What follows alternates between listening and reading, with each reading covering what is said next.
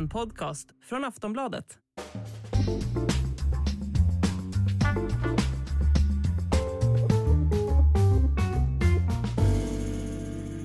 Sportbladets VM-podd, det är måndag. Vi har lämnat dödköttet bakom oss. Vi har hängt av knäckebrödgäng som Belgien och Danmark och så vidare och gått in på de verkligt eh, intressanta eh, delarna av det här eh, mästerskapet. Eh, åttondelsfinalerna är igång, fyra stycken spelare. Det ska vi såklart prata om. Vi ska givetvis då prata om det som hände igår kväll. Det kommer vi göra efter breaket. Då ska vi ha med oss Frida Fagerlund. Fram tills dess så är det du och jag, Makoto. Vi ska gå igenom lite det som hände i, eh, i fredags. Eh, vi måste skälla på Uruguay. Vi ska givetvis prata om eh, eh Argentina och eh, Nederländernas avancemang. Eventuellt skälla lite på Lautaro Martinez och så vidare. Men vi, vi kan väl köra helt kronologiskt idag och sen så sparar vi liksom ehm, på de göttigaste bitarna till sist. Eh, Ska vi sen... börja med den eh, blåvita elefanten i rummet? Eller ljusblå elefanten i rummet rättare sagt. Uruguay. Precis. Ja, alltså inte vidare från den här gruppen. Eh, vinner sin match visserligen, men det hjälper ju inte eftersom Portugal behöver inte vinna några ma fler matcher utan eh kan helt enkelt bara gäspa sig vidare till åttondelsfinal, vilket eh, de då gör på bekostnad av Uruguay eftersom Sydkorea eh, vinner den matchen mot Portugal. Om vi börjar med det, posit alltså liksom det, det positiva i det här, så att säga. Alltså Sons assist till Chang Chan där. Mm. Den är ju så briljant. Ja, när han bara har bollen, blir pressad och lägger den på så enkelt. Det är inte ens något prat om offside eller någonting, bara rakt i djupet och det målet i slutet. Och oj vad jag tycker att de förtjänar den här eh, åttondelsfinalsplatsen sett till hur de har tagit sig an det här gruppspelet. De gör en stabil, trygg match mot Uruguay de absolut, de, de förlorar mot Ghana, men jag tycker att de gör en väldigt bra insats överlag där och jag tycker i alla fall de skulle haft en extra minut tilläggstid eller åtminstone få slå en hörna. Men det är en diskussion vi hade förra veckan. Men sen att de får, slår Portugal och går vidare på så sätt. För Uruguays del, de gör en match där man, går, där man kan känna igen dem av tre möjliga och det är den sista. Mm. Och då är det för sent. Det är för sent mm. och det blir också den här situationen att varför ligger man på sparlåga vid 2-0? Varför är man inte medvetna om att ett litet mål på annan ort faktiskt kan ändra allting? Ja. Det är ju som att de är chockade på att det här har hänt och plötsligt inser att oj, vi behöver ett till. Det var en väldigt tydlig plötslig chock i den matchen och sen har, då har de bytt ut Luis Suarez som jag tycker ser ut som sig själv i den här matchen. De har ja, bytt ut Darwin Nunez. Ja. ja. Och då är det svårt att åstadkomma någonting. Mm. Eh, och de flyger ut och de gör det ja, med smått skamliga scener när man jag går till ett fullkomlig attack mot uh, domarteamet efter också. Det, det, det, det, det är ju Uruguay vi pratar om. Jo, exakt. Och det på något sätt, det är ju ändå Uruguay så att man förstår det på så Det är såklart inte okej, okay, det som sägs och görs i den situationen, men det, det är det vi vill se av Uruguay, lite, lite ändå om ni förstår vad jag menar. Ja. Uh, så att, Um, nej, de... Nej, de är ett otroligt osympatiskt gäng eh, på, ju, på, på, väldigt många sätt. Och det är det jag tycker om. Här. Och, och, det, och, det, och, och, det kan man ju uppskatta underhållningen i verkligen. Eh, men det blir, ju, det blir ju rätt tramsigt. Det blir ju också så här att det, är det, är det något lag som ska ta ett gult kort för att trampa sönder en straffpunkt, ja men då är det Uruguay. Är det något lag som, eh, som ska bete sig sådär mot en domare eh, när resultaten går emot, ja då är det ju Uruguay. Nu är vi lite hårda här, men det, de har, det, det har inget med, med landet att göra, det har med liksom de spelarna de har i det här laget att göra.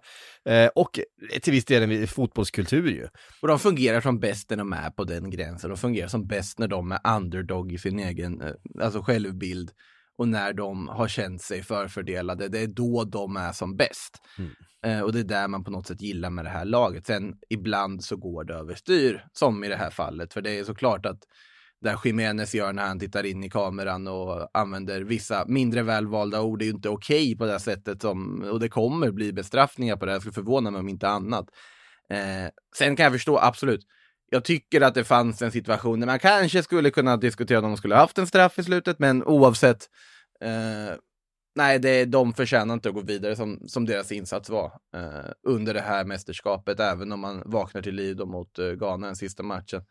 Och Ghana vart ju någon sorts bittersweet farväl på att de, absolut, de åker ur jobbigt Men för de dem. får se Luis Suarez sitta och gråta på bänken. Ja, och de får ut Uruguay. Och det var väl alltså Moagian som sa det, att om vi ska förlora skulle vi ändå ta med oss dem ner. Ja. Eh, om, det är någon, om, om, det är någon, om det är någon som har drabbats av Uruguays eh, mindre eh, smickrande sidor så är det ju Ghana. Eh, och då är vi tillbaka i VM 2000, att de missar en straff igen. 2014. Att de Alltså, missar en missar- straff igen. Ja. Det är ju helt Det sanslöst. säger ju allt om straffar, att det, bara, det är bara psykologi. När det blir för, För mycket på spel. för tungt eh, så sitter ju liksom inte straffarna. Det är ju så det funkar i den här sporten och det är därför det är så, eh, därför finns den här magin över straffar, för att en straff ska ju alltid gå in. Eh, det är bara så. Ja. ja, men inte när Ghana spelar mot Uruguay, då går inte straffar in. Det, det är sen gammalt. Och det, det var ganska häftigt just där, liksom den inramningen med allt det här att det, det verkligen inte har glömts bort i Ghana, det här som hände då.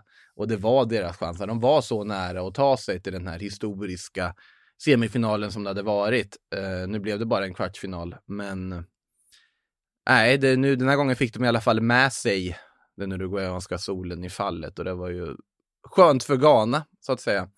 Eh, men det var ganska otroligt häftig uppgörelse i den gruppen, bara med också Sons tårar på en arena av glädje Mm. för att han har lyckats med någonting som kanske inte var man trodde skulle vara möjligt att de skulle göra i den svåra gruppen, men eh, som, som han lyckades lyfta dem och som han klev fram när de som mest behövde det.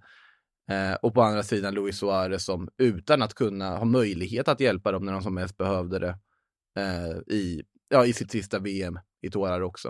Eh, det Mm. var en häftig uppgörelse där i sista, sista omgången.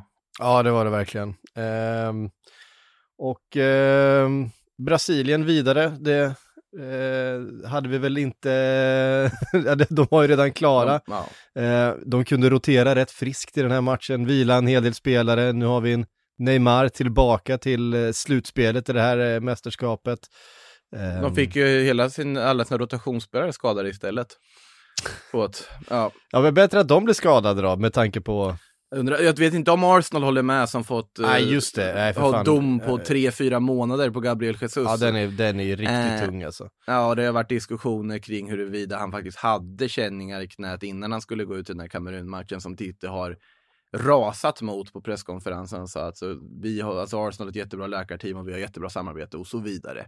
Mm. Eh, och jag tror inte att de skulle gå in och riskera honom i en sån match. Så varför skulle de göra det? För det finns ingen, ingen anledning till det. Eh, jättetråkigt oavsett. Och eh, det är väl även Alex Telles som eh, har spelat färdigt det här mästerskapet om jag inte helt minns fel nu. Eh, men det har ju varit skadebekymmer. Nu verkar man ju få tillbaka Danilo. Man verkar få tillbaka framförallt och Neymar före Danilo kanske. Mm. eh, Till Sydkorea-matchen ikväll. Mm. Eh, som ju blir väldigt spännande.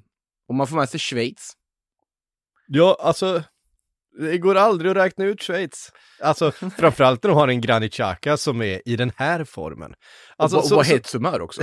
Ja, men det är han ju. Det är, det, det, det är ju, eh, det är ju inget nytt. Men det här är ju precis, alltså, alltså man minns när Granit Xhaka kom fram, framförallt när man såg honom första gången i schweiziska landslaget, där han var, Mm. vad var han, typ 20 bast eller någonting, när han gjorde sin debut där, och man såg den här, man såg kvaliteten som fanns, man såg också den här, det här pannbenet han har, den här vinnarskallen och, och då kände man ju liksom att fan det här, eller jag minns att jag satt, eh, antingen om det var i Sillypodden eller Mm. Premier League-podden eller något sånt där, och, och var så, fan, det här är precis vad Arsenal behöver. Jag var så jävla eh, taggad på att han skulle dit, och så kommer det, och sen har det liksom inte funkat, och det har liksom, den där vinnarskallen har egentligen har blivit ett minuspsyke i många fall. Han har bråkat med supportrar, han har blivit, tagit alldeles för många röda kort, alldeles, alldeles för många röda kort. Ehm, men den här säsongen har ju någonting släppt, har ju någonting hänt. Det är någon, alltså Arteta har ju på något sätt lyckats dra fram den här Granit Xhaka som vi hoppades att vi Mm. skulle få se. Som har liksom här ledaregenskaperna, eh, som har kvaliteten, som har fötterna, som har den här eh, också tuffheten eh, centralt på planen. Som vi också, vi, vi har sett det många gånger i just eh, schweiziska landslaget. Eh, han har varit fenomenal för Arsenal den här hösten och han är ju fenomenal för Schweiz. Mm. Han är ju deras bästa spelare med, liksom, med, med, med råge. Eh, det är han som bär det här laget nu. Ja, och det är han som också, förutom det han gör på plan som har varit väldigt bra i det här mästerskapet, så har han ändå Alltså jag, jag blev väldigt glad att han initierade det han gjorde i den här matchen. Så att det blev lite fart på den när bänkarna reste sig och det var Ja, det, det, Alltså såklart, det finns extremt mycket, alltså icke fotbollsrelaterade saker i mötet Schweiz-Serbien med tanke på den Alltså. Kosovo-albanska Och fram- ja, kärna i det. Fra, framförallt då eh, eh, Granit Xhaka och Sherdan Shaqiri som är Verkligen. deras två största Ja. stjärnor och som, som har albanskt eh, påbrå. Om man bortser från det, det faktumet som det finns mycket liksom sorgligt kring i hela den relationen Mm. mellan Serbien och, och Kosovo så, så är det så att just i den här matchen, som också kände där det verkligen är, den som vinner går vidare, eh, så var det ändå, det, det hettade till rejält och jag tycker det är någonting som har saknats överlag i hela mästerskapet, att det hettar till. Eh, och det gör det i den här matchen. Såklart mycket har också påverkat av Serbiens uppladdning inför det här, där det har varit eh, rapporter om diverse affärer och annat Mm. inom, eh, inom laget som har eh, ställt till det och Dusan Vlahovic visade väl vad han tyckte om, om hela, hela den diskussionen med sitt målfirande där som Granit Xhaka sen kopierade fast mot den serbiska bänken. Eh, så nej, det var... Eh, ty- Ja, han gör rätt i. Ja, när Serbien uh, psykar ju sig själva ut ur hela mästerskapet kan man säga. Det finns så mycket mer potential i det här laget. Eh, ja, Mitrovic, briljant forward, Dusan Vlahovic, briljant forward också. Sergej. Alltså, materialet är otroligt bra, men det blir liksom att när de är i lägen, de har ju varit i slagläge mot Kamerun var de, det, de var det mot och Schweiz också. Men de håller inte ihop, det, det, det kraschar på något sätt. Och sen nu så kraschar de ju ut ur turneringen också. Ja. Eh, innan vi lämnar den här gruppen måste man ju bara hylla Vincent Abubakar som säger farväl till sitt eh, VM-spelande på, ja, på ett otroligt manér när han då gör det här målet mot Brasilien. Inser att Ja men det är ju ändå min sista VM. Han sliter av sig tröjan, han har ett gult kort, han vet det. Domaren kommer fram skrattandes, tar honom i hand och visar det röda och han kliver ut och applåderar.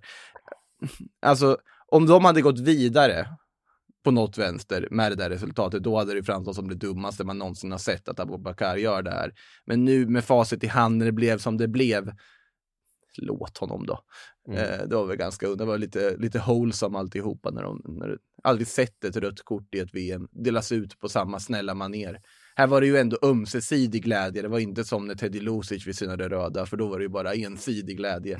eh, om ni minns det röda kortet. Domar.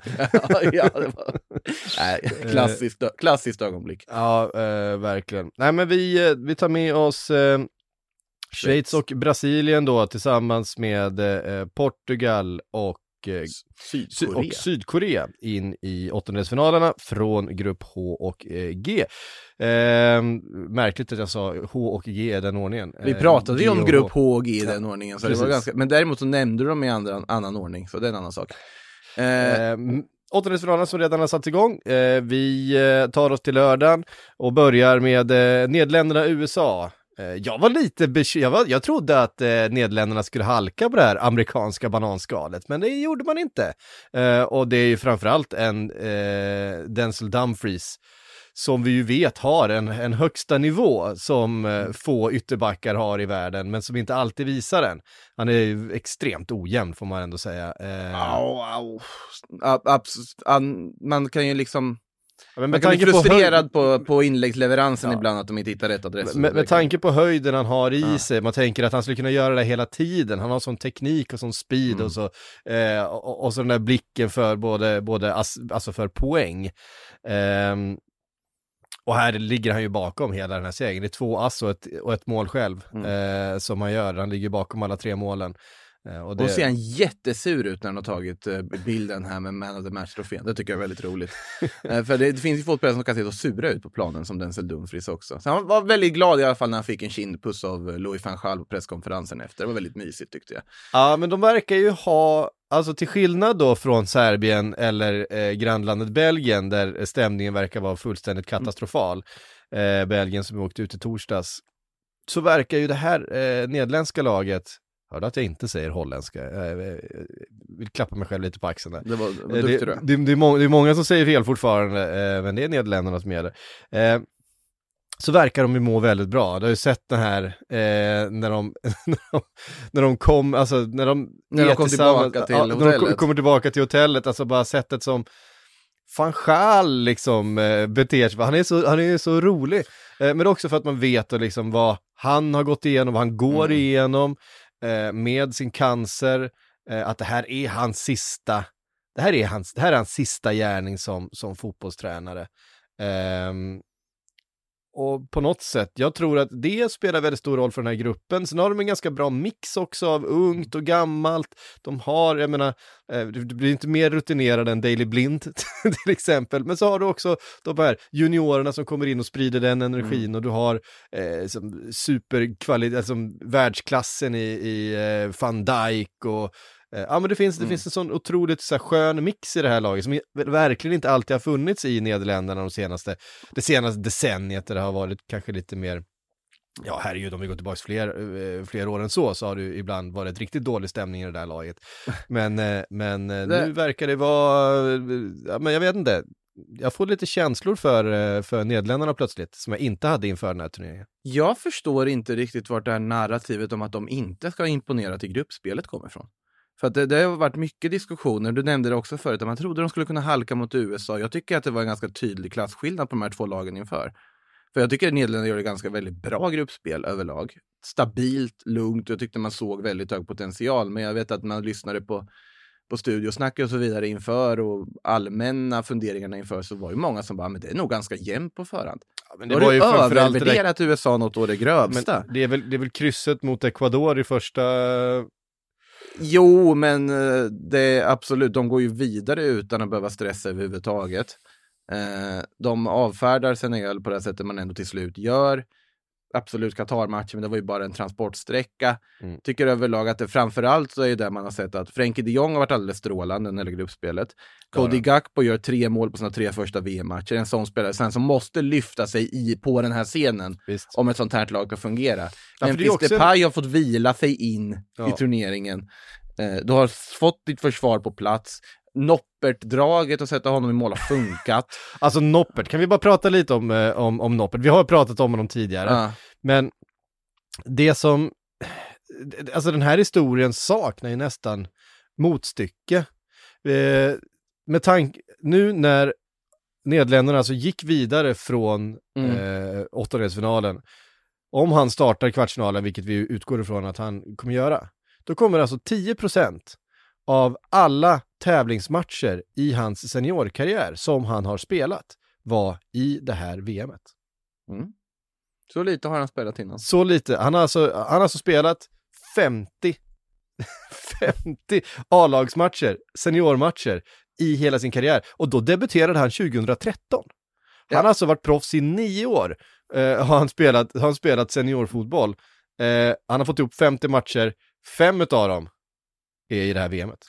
Ja, eller det blir, han kommer väl upp på 55 nu om man ska vara väldigt petig. Han kommer men, komma upp i 55. Ja, men eh, det, alltså han står ju ganska fascinerande just på det här att han, han kom ju upp som, som en liksom, ung målvakt en gång i tiden, har varit backup-val hela tiden i alla klubbar han har varit mm. i.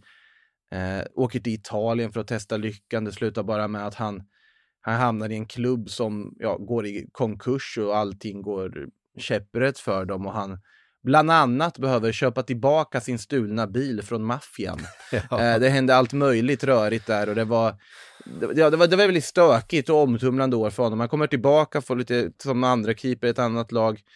Men sen får han lite speltid i ja, nederländska andra divisionen drar korsbandet mm. borta och det är ju där som man på något sätt känner att ja, men nu, då, då är jag nära att lägga av. Hans familj vill att han ska lägga av och sadla om till en civil karriär istället, men han, när han insisterar på att fortsätta, det blir en situation där han får, får ett kontrakt eh, i en klubb då i och med att, ja, på grund av ett skadeläge, det blir plötslig succé från ingenstans. Sen hamnar han i Heerenveen, fortsatt succé, som är hans moderklubb i grunden också. Mm. Uh, och ja, men sen är landslagskallelsen kommer ju verkligen från ingenstans, men det är ju ja, det är verkligen en värt att göra film av hans resa till, eh, till det här VMet och tänk om det skulle kunna gå hela vägen till och med. Det är inte helt otänkbart. Eh, nej, nej, otroligt häftigt och jag tycker Nederländerna ser bra ut och då, och då finns det ännu mer att ta av fortfarande. Jag tycker ändå att de de har gjort precis vad de ska hittills i den här turneringen och jag såg dem ändå som favoriter inför mot USA också.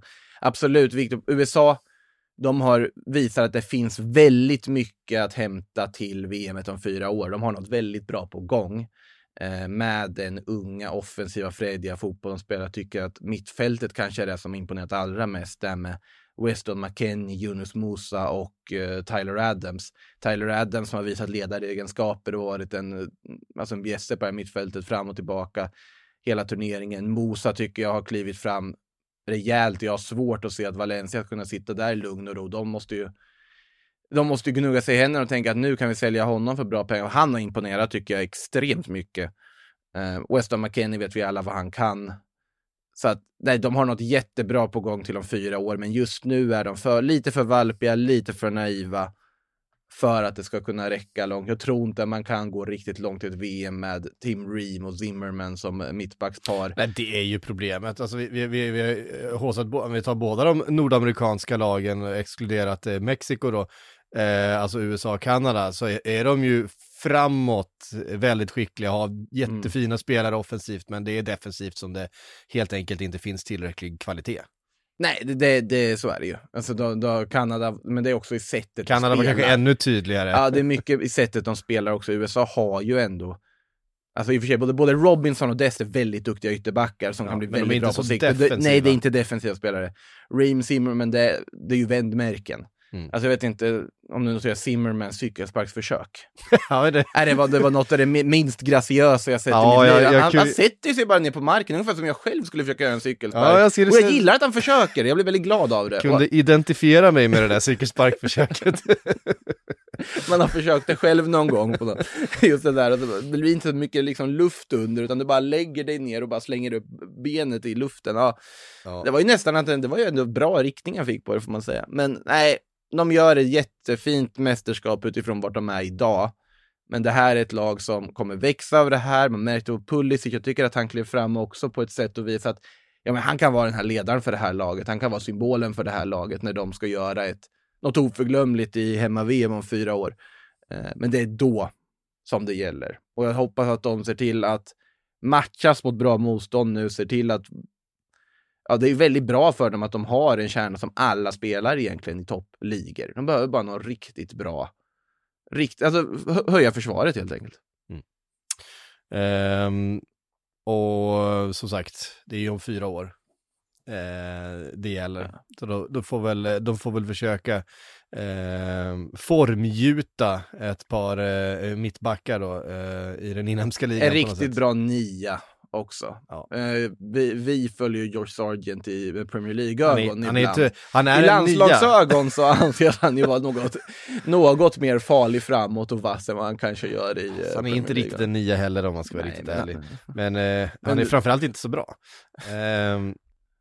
Men men, vi, vi lämnar dem, de är utslagna, tack och hej eh, till USA. Vi eh, eh tackar också eh, Australien för eh, visat intresse. Eh, men ja, det satt, det, det höll på, det höll på att bli något, eh, något helt eh, otroligt. För alltså Argentina kunde bara inte få in det där sista målet. Alltså, det står, det står 2-0 det känns som att ja, men Argentina är så mycket bättre på allt än Australien. Eh, men Australien De började har... ganska svajigt dock. Ja, Australien jo. gjorde jättebra match överlag ska jag säga. Ja, men de, de, de gör men alltså de, de gör det ju inte med kvalitet, de gör det ju med att de har en, en annan inställning. De springer mer, de mm. sliter mer, de, de krigar ju mycket mer än vad Argentina gör i den här matchen. Sen vaknar ju Argentina till lite grann och inser att oj, vi måste visst sätta lite fart på den här bollen om vi bara höjer vårt passningstempo lite grann eh, och involverar Messi lite mer så, så kommer de inte hänga med. Och så blev det ju, och så blev det 2-0. Och då känner man att, ah, okej, okay, nu får inte eh, Australien låna bollen, de kommer inte orka springa så här så mycket längre till, vilket de heller inte orkade, om man ska vara riktigt ärlig. Och det är bara spel mot ett mål, och även, även när Australien får in det där slumpmålet som det är. Det är ett skott som ska gå 20 meter utanför. Eh, som studsar på... Rakt upp i luften. som studsar på om det är åtta män det eller ja. eh, vem det är in i mål. Alltså det, det är rent tur. De får, de får en, ett turmål. Sen så ska vi, även om eh, Argentinas eh, 2-0 mål där, Julian Alvarez var en, en, en duktig bjudning eh, från eh, Matt Ryan, så är det ju, alltså vid det laget så har ju Argentina tagit över den här matchen och skapar ju otroligt mycket. Jag, jag tycker det, det, är så fascinerande att se Lionel Messi spela fotboll i det här landslaget just nu, därför att det är ju promenadfotboll. Ja, fast du, de där sista minuterna. Men jag skulle, jag skulle, ja. jag skulle, jag skulle, jag skulle kolla det, för han, han, han, han, går runt, han, han går ju runt och bara är briljant. Eh, han får bollen, han gör någonting, han dribblar en, två gubbar, skickar iväg den går runt och suckar lite över att ingen annan är lika bra som han. han, han bjuder Lautaro Martinez på en, två, tre liksom guldlägen. Han kan inte träffa mål för att rädda sitt liv. Alltså, eh, han, men Messi måste ju ha tänkt bara. Inte igen. Vad håller du på med Lautaro? Higuain? Men så plötsligt... är det du? men, men så plötsligt kommer det där slumpmålet då från Australien. Och då är det som att en polett trillar ner hos Argentina. För att det de gör då, det man tänker är så här, shit, nu måste vi bara hålla tätt här sista. Det är ju inte alls så som de gör. De höjer ju istället tempot mm. och tar bollen till Australiens, dels för att Australien vid det tillfället är ganska trötta, de har sprungit fruktansvärt mycket. Mm. Eh, men det är ju det är faktiskt så att, och framförallt Lionel Messi som höjer tempo till sitt eget spel lite grann. För att han, han är ju briljant sista, eh, mm. sista Och det är ju då minuterna. han har Lautaro och det, som vapendragare. Och, och, det, och det är då han, eh, han eh, Lautaro har kommit in då istället för Julian Alvarez. Mm. Och Messi har ju tagit tag i den här matchen och han bara serverar målchans på målchans för att stänga den här jävla matchen. det bara går inte. Det går inte att få in den. Han har något eget läge också där han gör, det ser ut som liksom Messi 2011. Han hittade någon eh. andra andning där som var bara helt briljant Han har inte tagit ett löpsteg de första Nej, 60 sig, minuterna så att så trött kan han inte Han har ju sparat sig själv i tre, tre gruppspelsmatcher och en halvlek för att han, nu, nu kör vi mot Australien ja. när vi leder med 2-1. Nej, det finns vissa saker som jag tar med från den här matchen. Australien går ju, eller Australien gör ett jättefint mästerskap och de ens är där. Eh, alltså de har kämpat som bara den och ska vara väldigt stolta över vad de åstadkommit, även om jag är lite halvt allergisk till att halva deras lag fick ta selfies med Messi inför. Det, det, det kan vi släppa. Ja. Men, men, det, det, det, det är vad det är, men det är också det så här, men, men, uh... men det är också så här, vi måste bara, det sista som händer i matchen ja. är ju att det, det är då Alltså Argentina har liksom inte fått in det där eh, dödande 3-1 målet. Mm. Eh, trots att de skapar 5-6 liksom hundraprocentiga målchanser. Mm. Eh, och till slut så händer ju det som för, o, alltså följaktligen händer när man inte lyckas döda en match. Det dyker upp en, en mm. möjlighet ur ingenting igen för Australien. Lite, lite koncentrationsmiss. Um, du hade ju för sig det där uh, halvfriläget uh, med soloräden Ja just det, eh, Behich solo där, det var ju det något sjukaste jag sett. Han, han, har ju gått omkring då och ver verkligen, det, det, han bad inte om selfies med Messi inför matchen. Nej. Han var ju där i luven på honom istället och tog sig an den här matchen på helt rätt sätt. Och sen då när han bara får för sig att, jag, jag vet inte vad som hände där, men han hittar någon sorts inre Nej, jag vet inte vad. Och bara dribbla fyra man och då tänker man det här kommer vara årtusendets VM-mål han gör nu. Ja. Uh, det här är frimärke. Och sen så får han inte till. Sen är det väl Lisandro Martinez med en helt briljant det... brytning där. Ja, det är det. ja, den är helt, den är, ja, den är magisk den brytningen. upp det. Eh, men annars i övrigt, alltså Argentina gör ju det de ska. Man märkte att det betydde mycket att de ändå löste det här, även om det är ett lag de ska besegra. Eh, Lautaros eh, träfförmåga kan man diskutera. Messi måste ju ha tänkt att han, ja, vad, vad, är det med, med det här liksom, mm. varje gång. Eh, en rolig detalj var ju Matt Ryan då som bjöd på 2-0 målet verkligen. När han, jag vet inte varför han ska försöka dribbla Rodrigo de Paul i det där läget. Eh, vad han får för sig. Men han är inte med på att Julian Alvarez dyker upp där och det är ju bara gratis mål. Så otroligt tråkigt att liksom lagkaptenen, är det stora affischnamnet egentligen i, i det här Australien, att det är han som gör det. Mm. Eh, och då kan vi säga, på tal om dålig stämning, Matt Ryan är ju andre keeper nu i FC Köpenhamn. Mm. Och han har i något sammanhang då kallat det här, liksom politics you know, du vet. Eh, och eh, då är det ju då en polske tredje keepern, Grabinski man heter, som är första keeper just nu i, i FCK. Jag vet inte vad de håller på med i FCK när de har den målvaktsuppsättningen de har. De har ju Carl-Johan Jonsson tillgänglig också, gamla svenska, svenska räven. Jag vet, jag vet inte vad de håller på med. Men i alla fall, och då var det då den polske målvakten som efter då att Ryan har gjort den här missen kommenterar typ, ja, politics var det va? Eh, det känns inte som en målvaktsduo som jobbar jätteväl tillsammans på träning direkt och lyfter varandra när man går ut och hugger efter någon och åkt ur VM. Det tycker jag är oroväckande dålig stämning i FCK-lägret och jag förstår inte hur de tänkt med sin målvaktsrekrytering. Det är en annan sak. Ja. Eh, men ja, Argentina, Nederländerna nu då? Det blir kul. Ja, det blir det verkligen. Eh, för där finns, eh, där, där, finns spelare som... Eh, och, och, grejen är så här att Argentina kan inte fortsätta spela, liksom, eh, inte ta matcher på allvar i en timme och sen mm. komma på att man faktiskt har ganska mycket fina fotbollsspelare som kan spela fotboll. Eh, och det gäller ju faktiskt Lionel Messi mest av alla. Inte för att, inte för att de andra, ja, visst han har varit den som har gått mest, men han är ju också världens bästa fotbollsspelare. Han kanske inte är världens bästa fotbollsspelare längre, det är kanske Kylian Mbappé. Vi ska prata lite om honom eh, om en stund här. Men eh, han, har, han är ju den bästa spelaren i det här laget. Han har ju en, en nivå, en växel, en, en hjärna som funkar på ett annat sätt än alla andra. Eh, och för att slå ett Nederländerna som vi har varit inne på, som är, ser harmoniskt ut, eh, som har massor med kvalitet, som har tempo, som har smarta spelare på alla positioner, eh, liksom hela, alltså i alla lagdelar. Det här finns liksom riktigt, riktigt fina fotbollsspelare överallt. Då måste de höja det här tempot från början. Messi måste pressa lite grann, tror jag. För att du kan inte stå, du kan inte låta de Jong stå och bara måtta passningar och styra tempo eh, och äga det där mittfältet. Uh, och du kan inte liksom, du kan inte bara ha det argentinska mittfältet att sköta hela det jobbet själv. Messi om man ska spela falsk nia, mm. vilket jag tycker att han ska, då måste han droppa ner och delta lite även i spelet utan boll. Han kan inte bara vakna till när bollen dimper ner framför fötterna på honom. Ja, nej, sen, sen, så har han ju inte speeden längre. Vi såg, det var ju något omställningsläge där han blev helt frispelad och blev ju ifattsprungen uh, av den australiensiska backen på fem meter. Han har ju inte alls det där rycket längre och, och den där farten. Och det är väl, det är ju fine, det, det vet vi Jag menar, mm. han är 35 år gammal. Eh, en gång i tiden hade han ju bara visslat ner där och tryckt upp bollen i nättaket. Det kan han ju inte göra längre. Utan, men han kan faktiskt fortfarande springa även om det inte går så snabbt. Um, och det kommer han behöva göra. Och gör han det, och Argentina mm. tar den här matchen på allvar, då tror jag att eh, Nederländerna får det svårt. Um, men det blir väldigt spännande. Otroligt ovisst på förhand i alla fall. Mm.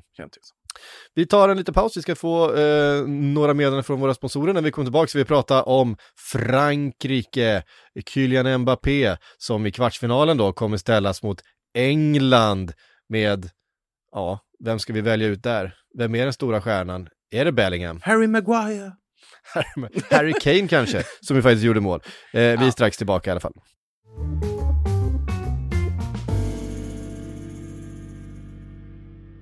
Sportbladets VM-podd sponsrat eh, utav Hyper.com. Och med för att eh, hjälpa oss lite grann i den här speldjungeln har vi Steven Lee Holmdal som eh, gått igenom Hypers eh, digra utbud av VM-spel och hittat eh, några russin i kakan, eller hur? Ja, jag hoppas det i alla fall. Så, eh, jag har riktat in mig lite på Cristiano Ronaldo nu som han är ju skottluggen fortfarande efter den här Piers Morgan-intervjun och nu hamnade han, blev han framröstad i gruppspelets sämsta startelva också. Så. Eh, men precis som eh, lite hela Portugal så har väl han inte kommit igång. De, de har alltså skapat färre målchanser, stora målchanser än vad motståndarna har gjort och ändå är de jättefavorit mot Schweiz. Vilket jag tycker blir lite konstigt eftersom Schweiz gjorde mos av Serbien. Ett Serbien som då tog två segrar av Portugal i VM-kvalet. Så det, det känns lite skevt och ungefär som att det är tycker det är lite bjudodds på Schweiz för att eh, spelbolagen och nu Hyper i det här fallet vet att de flesta kastas över Portugal oavsett hur de ser ut. Så först och främst så spelar jag Schweiz går vidare till 2,70 gånger pengarna. Eh, och sen är det väl också lite sådär att jag tror ändå att Ronaldo vill vara med i leken. Och sådär, han var ju väldigt nära att nicka in ett mål eh, mot Uruguay. Och med tanke på att Schweiz är det lag som har släppt till flest avslut på nick så chansar jag också att spela Cristiano Ronaldo gör mål på nick till 13 gånger pengarna. Och de här oddsen hittar ni såklart då på hyper.com och kom ihåg att du måste vara 18 år för att spela. Och är det så att du eller någon du känner spelar lite för mycket så gå in på stödlinjen.se och läs mer.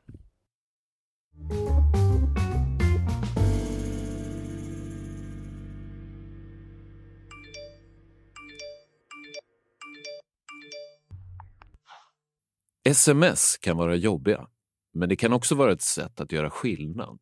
Gå med i Amnestys sms-nätverk alert där du kan skapa förändring direkt från din telefon. Det kostar ingenting och tar mindre än en minut. Det är superlätt att gå med. Bara smsa alert till 72990. Smsa alert till 72990. Ja, vi ska strax ringa upp Frida här som eh, var på England såklart igår. Vi börjar prata lite Frankrike som... Eh, ja. Först vill jag bara rätta att Grabara heter målvakten och inget annat, för det kollade jag upp medan vi hade reklam. Så, går vi vidare till Frankrike. Den polske målvakten pratar om australiensisk målvakt, det vill säga. Ja. Så, då har vi eh, fått över. Yes, Frank Frankrike som städade av Polen får man ändå säga. Eh, ja, på tal om Polen. Ja. på, på, tal, på, på tal om Polen. Um, och det är ju framförallt en person som eh, det handlar om. Det är Kylian Mbappé som visar att han är inte bara bäst i det här laget, i den här matchen, han är väl kanske hela turneringen och eventuellt hela världens bästa fotbollsspelare just nu. Eh, det är svårt att se någon annan som skulle kunna eh, göra anspråk på, på det epitetet hur mycket en avskyr det här med att vi ska utse en specifik spelare. Det blir ju omöjligt för en målvakt till exempel att någonsin bli världens bästa spelare. Um, det här med individuella eh, utmärkelser i lagidrott, men han sticker ju ut på ett eh, alldeles briljant sätt även i den här matchen. Ja, han har ju... Avsluten, avsluten. Det är som självklarhet i allting han gör just nu. Och sättet han ja, dominerat i det här mästerskapet får man säga, när han har spelat. Han är uppe på fem mål på tre framträdanden. Det säger ju en hel del om, om effektiviteten han haft och båda de här målen är ju otroligt vackra. Mm. Också självklara avslut rakt upp i krysset. Eh, inte helt lätt att göra. Och han har ju verkligen prickat formen och han vet ju om debatten.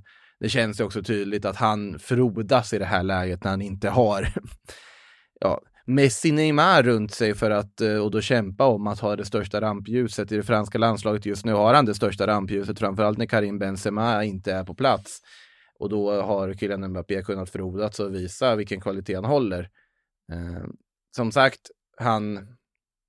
Det var ju också en grej nu, han pratade ju med media för första gången efter den här matchen. Han har ju kört en egen silencio stampa med den klassiska anledningen. Jag ville bara fokusera på fotbollen, som, man brukar, mm. som, som de brukar säga ibland eh, här nu inför, men pratade lite kort då, efter det här och nu, nu går det ju bra för honom och han Ja, det är ju väldigt imponerande. Alltså att han ändå levererar fyra år sedan i VM. Då var han ju inte i närheten på samma liksom, nivå och status som han är idag, men likväl.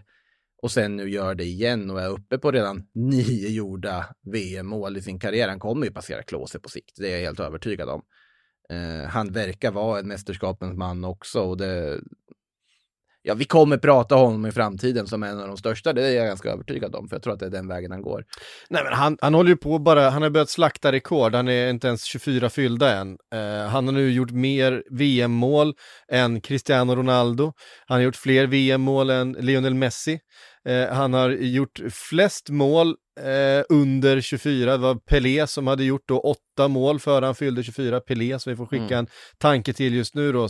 Men tillbaks till, till eh, ja. Kylian Mbappé, han är ju där uppe. Han är ju redan nu en spelare som vi ska tala om med de allra största för att han är uppe där och, och slår den typen av rekord. Han är uppe där och han, jag menar, han har redan vunnit VM en gång. Alltså han har redan, han har redan uppnått ja. saker. Eh, men han fortsätter att bara liksom trumma på och leverera. Och det, stundtals så ser fotboll så lätt ut för honom. Det ser så enkelt ut. Jag menar, det, framförallt det andra målet som han gör, Eh, där han bara står, det, det, påminner mig lite grann om Thierry Henry en gång i tiden. Vi kan nämna honom också, för han har precis blivit av med ett rekord. Eh, ja, det har han. När han, han var så pass överlägsen, han var så pass självklar i sitt spel. Precis som Mbappé är nu, att ja, han står i boxen, det finns en försvarare där, men det är väl bara att trycka upp den i första krysset eller? Det är, liksom, det är, som, det, är som att det är ingenting för honom. Alltså Mbappé lägger ju upp ganska goda argument när, i de framtida debatter, för det vi kommer debattera om ett x antal år, det är ju ja, vem är bäst av Mbappé och Haaland? På samma sätt som vi har mm. debatterat Messi och Ronaldo. Nu ska man inte dra för mycket saker i förskott här, men det känns väl som att det är dit vi är på väg, att det är de här två det kommer handla om. Håland som ju inte är med för att Norge inte har kvalat in. Eh, vi får se om de gör det någon gång. Men eh, det kommer ju vara diskussioner. Ja, men Mbappé har ju ett VM-guld. Ja, men tänk om Haaland hade fått spela. Det, det, kommer ju bli en sån diskussion framöver någon gång säkert på sikt. Ja, men Haaland har gjort fler mål där och Mbappé. Det är ju de som på något sätt känns som arvtagarna. Mbappé lägger en otrolig grund. Som sagt, han har redan ett VM-guld. Det är ju en ganska intressant situation. Han har ju redan åstadkommit det. Det han jagar som eh, Messi Ronaldo har ja, överflöd av, det är ju framgång på klubblagsnivån. Och då får vi se om man mm. kan hitta i PSG eller om man måste någon annanstans för att göra det.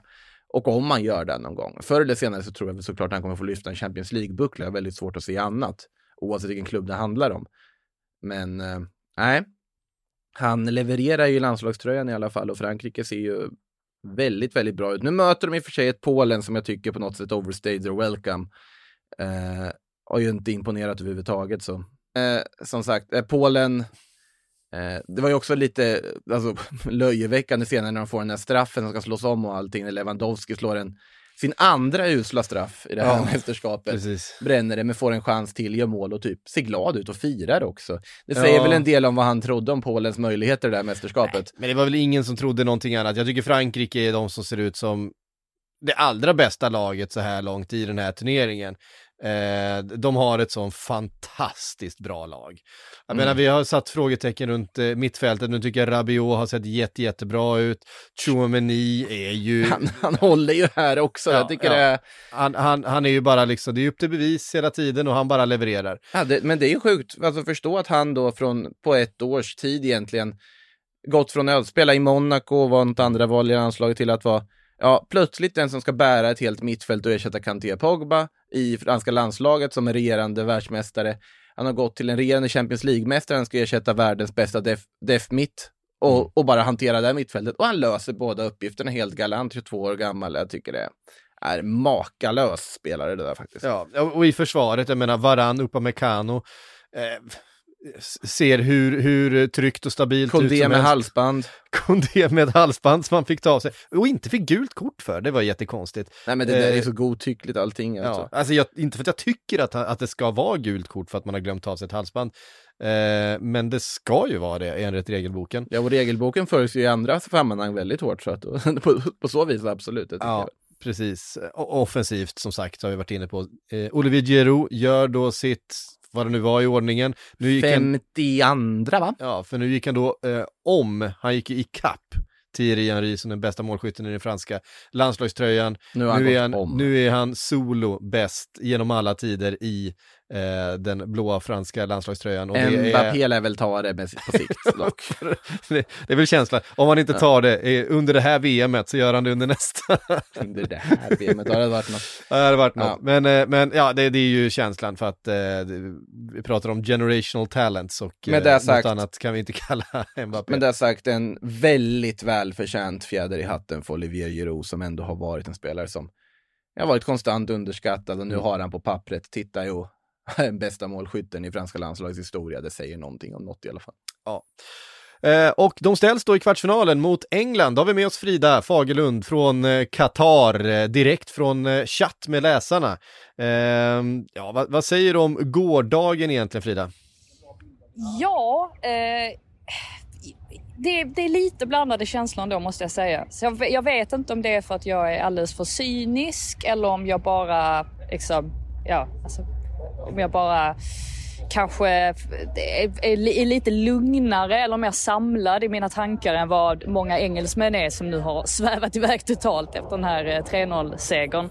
Men jag kände väl lite grann att de här 30 första minuterna mot Senegal var ju faktiskt inte jättebra från, från Englands sida. De hade ganska mycket problem med att ja, men, spela upp bollen. Stones och Maguire, de slog bort en hel del passningar. De spelade ju faktiskt intressant nog en trebackslinje väldigt ofta som att Luke Shaw tryckte upp på vänsterkanten och sen så föll eh, Kyle Walker ned och den den konstellationen i, i, sett i trebackslinje har vi ju sett väldigt mycket från England. Eh, men de fick inte riktigt till det och Senegal hade möjligtvis kunnat få, få in ett, ett mål där. Men sen är det ju som att Senegal helt kollapsar när eh, Jordan Henderson rullar in det där målet och det går ju inte att komma ifrån att Jude Bellingham gör sin absolut bästa landskamp eh, i den här matchen och just när han får ha en sån där fri roll som han hade i den här matchen, då ser man man ju verkligen vad han kan, han kan göra också. England har så många anfallare som Alltså målen kan komma från väldigt många olika håll. Det är inte bara från Harry Kane, även om han fick göra sitt första mål här också, utan han kan droppa ned och så utnyttja Phil Foden eller Bukayo Saka de ytorna istället. Så att det är mycket bra i England. De kommer definitivt ge Frankrike en match, men de kan absolut inte spela försvarsspel på det sättet som de gjorde inledningsvis i matchen mot Senegal, för då kommer det bli riktigt jobbigt mot eh, Kylian Mbappé. Ja, men jag, jag håller helt med just det där med att om Senegal hade haft lite udd om det inte varit Bolaye Dia som brände lägen där i början. Eh, Pickford gör väl en, en strålande räddning där också på ett av avsluten där i början av matchen. Men att det hade kunnat bli en helt annan matchbild. Men på något sätt med individuell kvalitet som de har, med Jude Bellingham såklart, eh, Harry Kane såklart, Bukayo Saka, Phil Fodens assist i 3-0 målet är ju är, den är ju magisk hela det här förarbetet. Och inte jag. bara det, alltså hela bänken, eh, de... alltså spelarna de sätter in, alltså hur många lag kan mm. sätta in den typen av spelare. Alltså det är egentligen så här, alltså att man, att man lite grann eh, vädrar dem på något sätt. Att det, det handlar egentligen inte om, det, mm. ja, Marcus Rashford, Jack Grealish, det är så himla mycket att ta av så det är ju definitivt eh, ja, den största styrkan kanske också för Englands del att, att man har de spelarna att kasta in när man bara precis behöver kontrollera en, en match eller spela av den. Ändå var känslan i, i den här matchen, man har ju så otrolig bredd, men det, var, det är ju ett fruktansvärt tråkigt landslag. Det är en tråkig fotboll, vi har varit inne på ja, det först, förut. början ja. Alltså första, första, ja, men det, sen är det ju målen som gör att Senegal måste kliva högre upp. Det är det där mm. första målet som är, som formar matchbilden efter. Men före, före det, det målet mm. så är det ju ett England som bara spelar riskminimerande.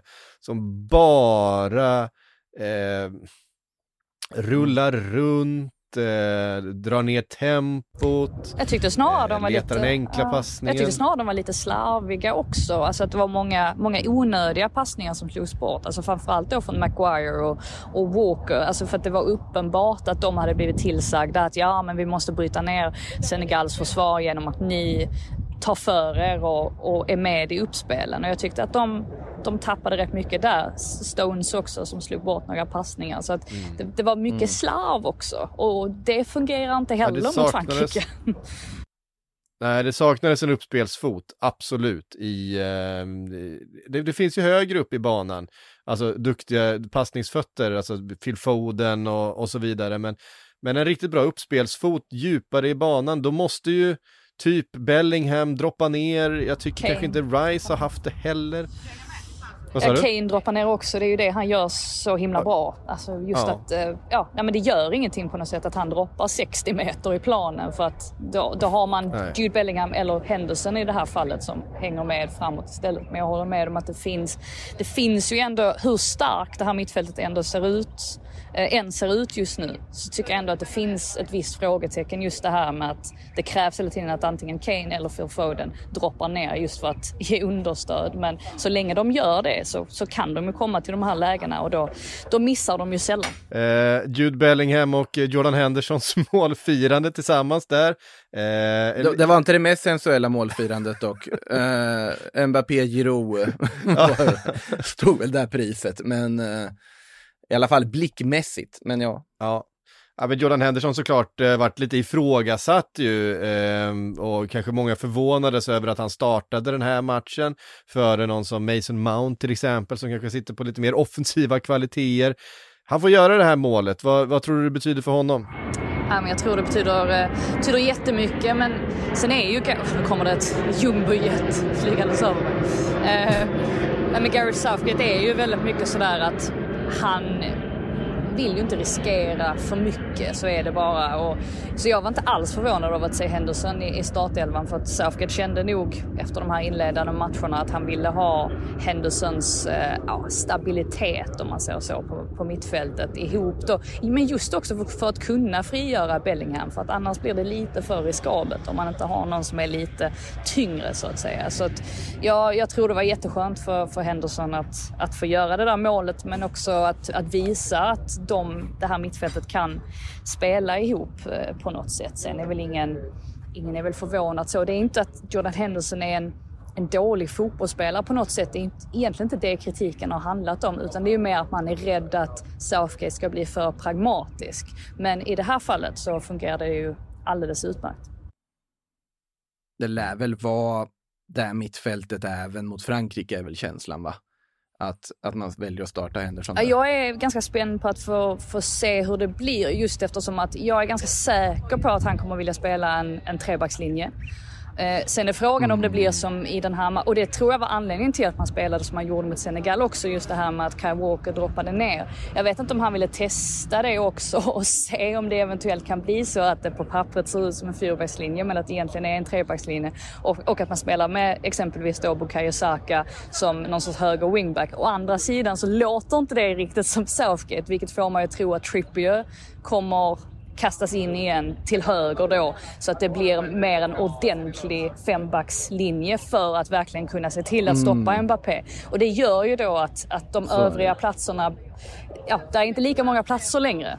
Eh, så att eh, nej, jag är väldigt spänd på att få se hur, vad han bestämmer sig för att göra. Men någon lär ryka i offensiven. Jag tror inte att, känner man Southgate rätt så kommer inte han, eh, han kommer inte riskera någonting. Särskilt inte när man möter ett, ett sånt här starkt motstånd.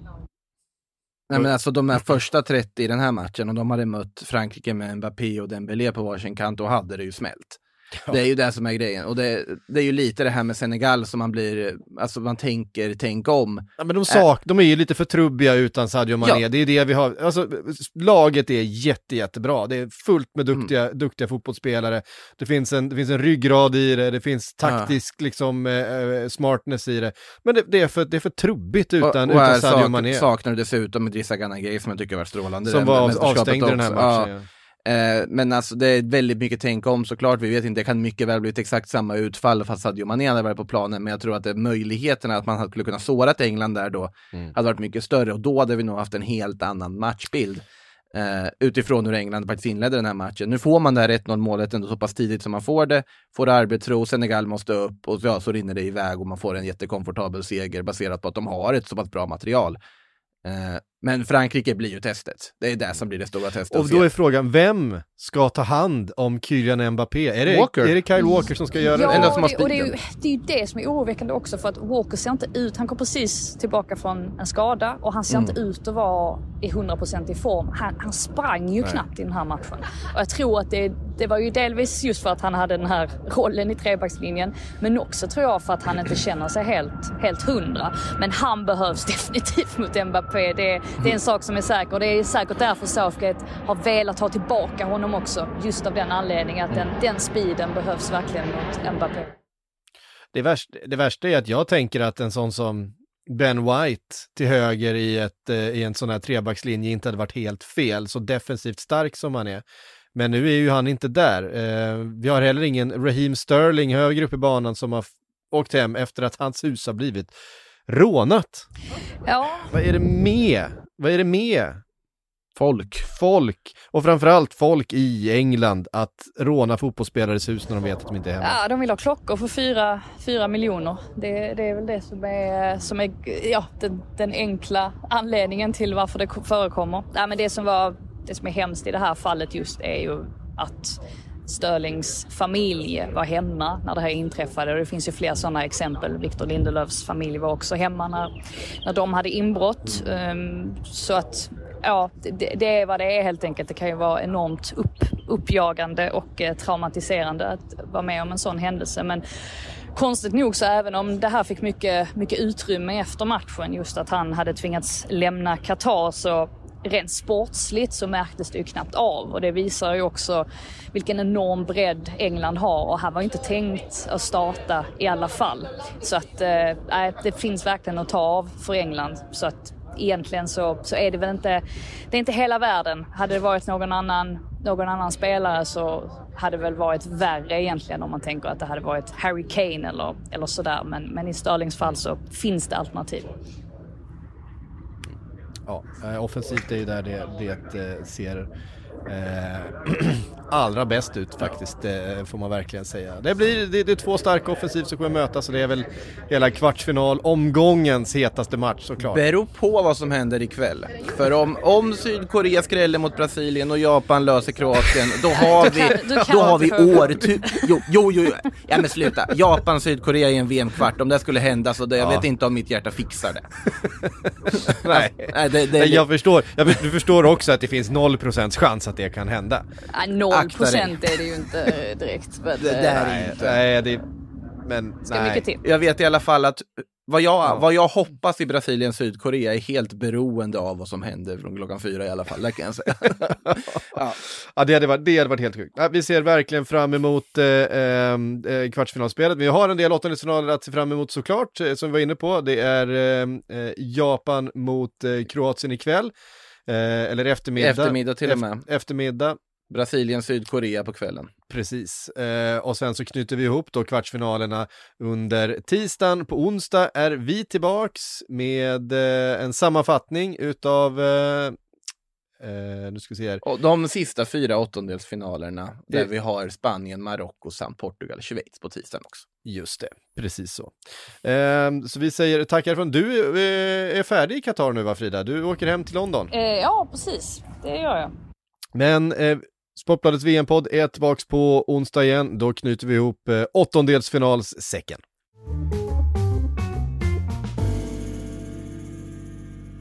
Du har lyssnat på en podcast från Aftonbladet. Ansvarig utgivare är Lena K Samuelsson.